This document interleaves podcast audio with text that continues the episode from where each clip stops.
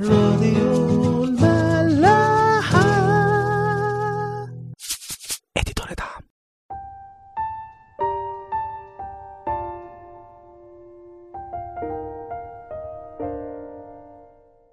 مساء الخير واهلا بيكم في حلقة جديدة من عيش وملح. خلونا نفتكر مع بعض كنا وقفنا آخر مرة فين. بعد انتصار داوود على جولياط شاول بياخده ويخليه على رجال الحرب عنده.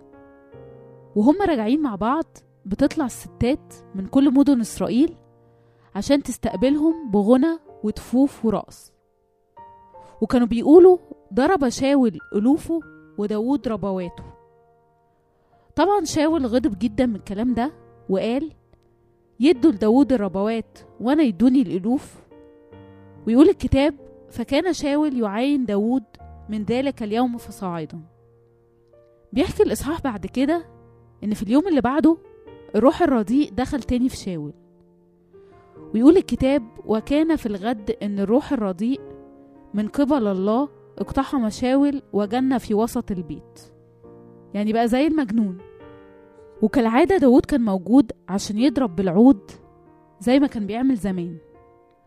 لو تفتكروا في إصحاح 16 لما روح ربنا فارق شاول جاله روح رديء وعبيد شاول جابوله داود عشان يهديه ويضرب قدامه بالعود. وفعلا لما كان بيجيله النوبات دي والروح الرديء بيجيله داود كان بيضرب فبيرتاح شاول ويطيب ويذهب عنه الروح الرديء المرة دي بقى لما جاله بقى زي المجنون وداود كان موجود كعادته كل يوم عشان يهديه. في المرة دي شاول أخد الرمح في إيديه وسلطه على داود وقال أضرب داود حتى إلى الحائط عشان يموته. وداود بيتحول مرتين من قدامه. يعني شاول كان بيحاول ينشن على داود وداود كان بيحاول يتفاداه. بصوا الفرق هنا بين الاتنين.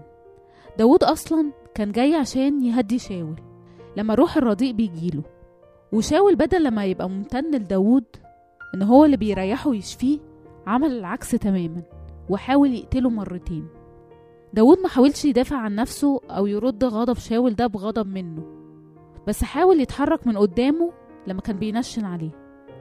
زي ما قلنا في آخر حلقة إن الإنسان اللي بيتملي بالحسد وبيسيبه يسيطر عليه الموضوع بيكبر كل شوية عنده. في الأول يغير وبعدين يحسد ويكره يتمنى أو يدور على الأذية للشخص اللي قدامه. الحسد بيعمل واحد فعلا ولو سيطر على حد هيخليه مش دريان لا بنفسه ولا بتصرفاته. زي ما حصل هنا مع شاول. بقى زي المجنون ماسك رمح بيحاول ينشن على داوود بيه.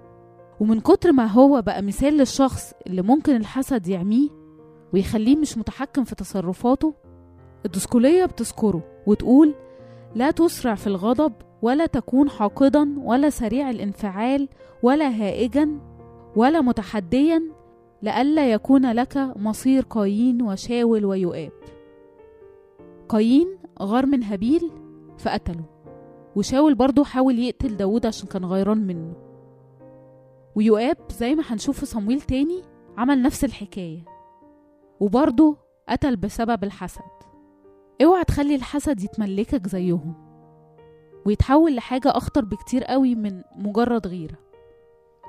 وزي ما شفنا وقلنا برضو في الحلقة اللي فاتت إن اللي بيحسد هو دايما اللي بيبقى مش مرتاح نفسيا وتعبان.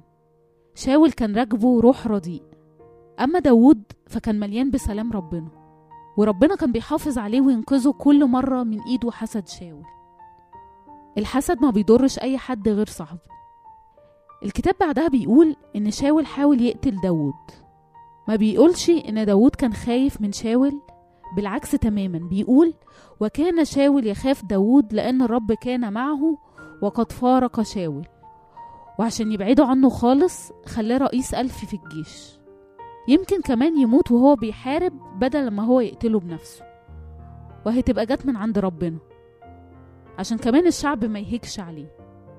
الكتاب بيقول إن داود بمنصبه ده بقى يخرج ويدخل قدام الشعب. فعرفوه وحبوه أكتر. يقول وكان داود مفلحا في جميع طرقه والرب معه. ولما شاول شاف كده فزع جدا. أما كل إسرائيل فكانوا بيحبوا داود جدا. الإنسان اللي مع ربنا هيلاقي بركة في عينين الكل. وحتى لو في حد مش بيحبه زي ما شاول ما كانش بيحب داوود بيبقى عارف كويس قوي إن الشخص ده معاه ربنا ومسنود منه. داوود كان زي يوسف بالظبط عشان معاه ربنا كان كل ما يصنع ينجح فيه. بولس الرسول يقول في تيموساوس الثانية إصحاح واحد لأن الله لم يعطنا روح الفشل بل روح القوة والمحبة والنصح. امشي مع ربنا بكل قلبك وانت هتلاقيه مباركك في كل حاجة. مديلك نجاح سواء بقى في شغلك أو خدمتك أو رسالتك. خلونا نكمل مع بعض إيه اللي حصل بعد كده. شاول قال لداود إنه هيديله بنته الكبيرة ميرب عشان تبقى زوجة ليه بشرط إن هو يخرج يحارب. طبعا شاول كان يقصد إن هو يتخلص من داود ويتقتل على إيد الفلسطينيين. يعني برضه كان قاصد له الشر. وداود بمنتهى التواضع يقول مين أنا وإيه هي حياتي أو عشيرتي عشان أصاهر الملك؟ يعني أبقى جوز بنته. بعد كده شاول بيرجع في كلامه وفي وعده وبدل ما يدي ميرب لداود بيروح يديها لواحد تاني اسمه عدرائيل المحولي. لكن ميكال بنت شاول الصغيرة بقى هي اللي بتحب داود. ولما شاول بيعرف بيقول لداود تاني إنه هيجوزه بنته المرة دي اللي هي ميكال. ويؤمر عبيده إن هما يروحوا يكلموا داود ويقنعوه بالموضوع. برضه عشان يوقعوا لما عبيد شاول بيروحوا عشان يقنعوا داود داود بيقول لهم إزاي أنتوا مستخفين بالموضوع ده؟ أنا مسكين وحقير إزاي أصاهر الملك؟ ولما شاول بيوصل له الكلام ده بيقول لهم يروحوا تاني لداود ويقولوا له الملك مش هيبقى فرحان بمهر. الملك هيفرح لو قتلت مية فلسطيني عشان تنتقم من أعدائه. وطبعا برضه شاول كان بيوقع داود عشان يخلص منه ويموت بإيد الفلسطينيين. بس داود لما بيعرف بيروح فعلا. هو ورجالته ويقتل 200 فلسطيني وقبل الميعاد كمان اللي شاول محدده.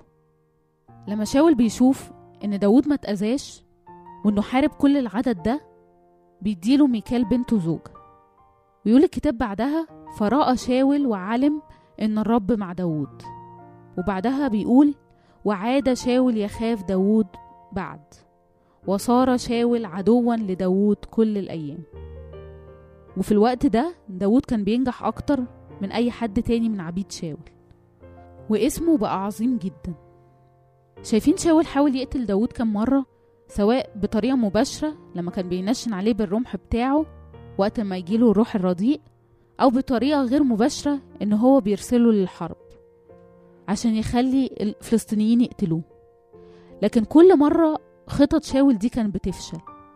وبدل ما داود بيموت بإيده أو بإيد الفلسطينيين داود كان بينتصر أكتر وبينجح أكتر. وعلى العكس شاول هو اللي كان بيخاف منه.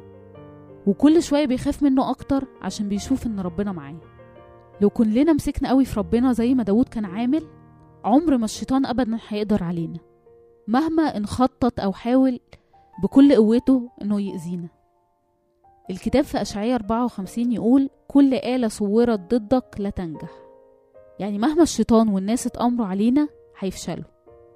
ومش بس كده ده إحنا هنخرج من الحرب دي وإحنا منتصرين ومليانين مجد أكتر كمان. زي ما كان بيحصل مع داود كل ما شاول يحاول يقتله بينجح ويتمجد أكتر. بولس في رسالته الروميا الإصحاح الثامن بيقول إن كنا نتألم معه لكن نتمجد أيضا معه. فإني أحسب إن آلام الزمان الحاضر لا تقاس بالمجد العديد أن يستعلن فينا. نكمل معاكم بكرة. راديو ملاح.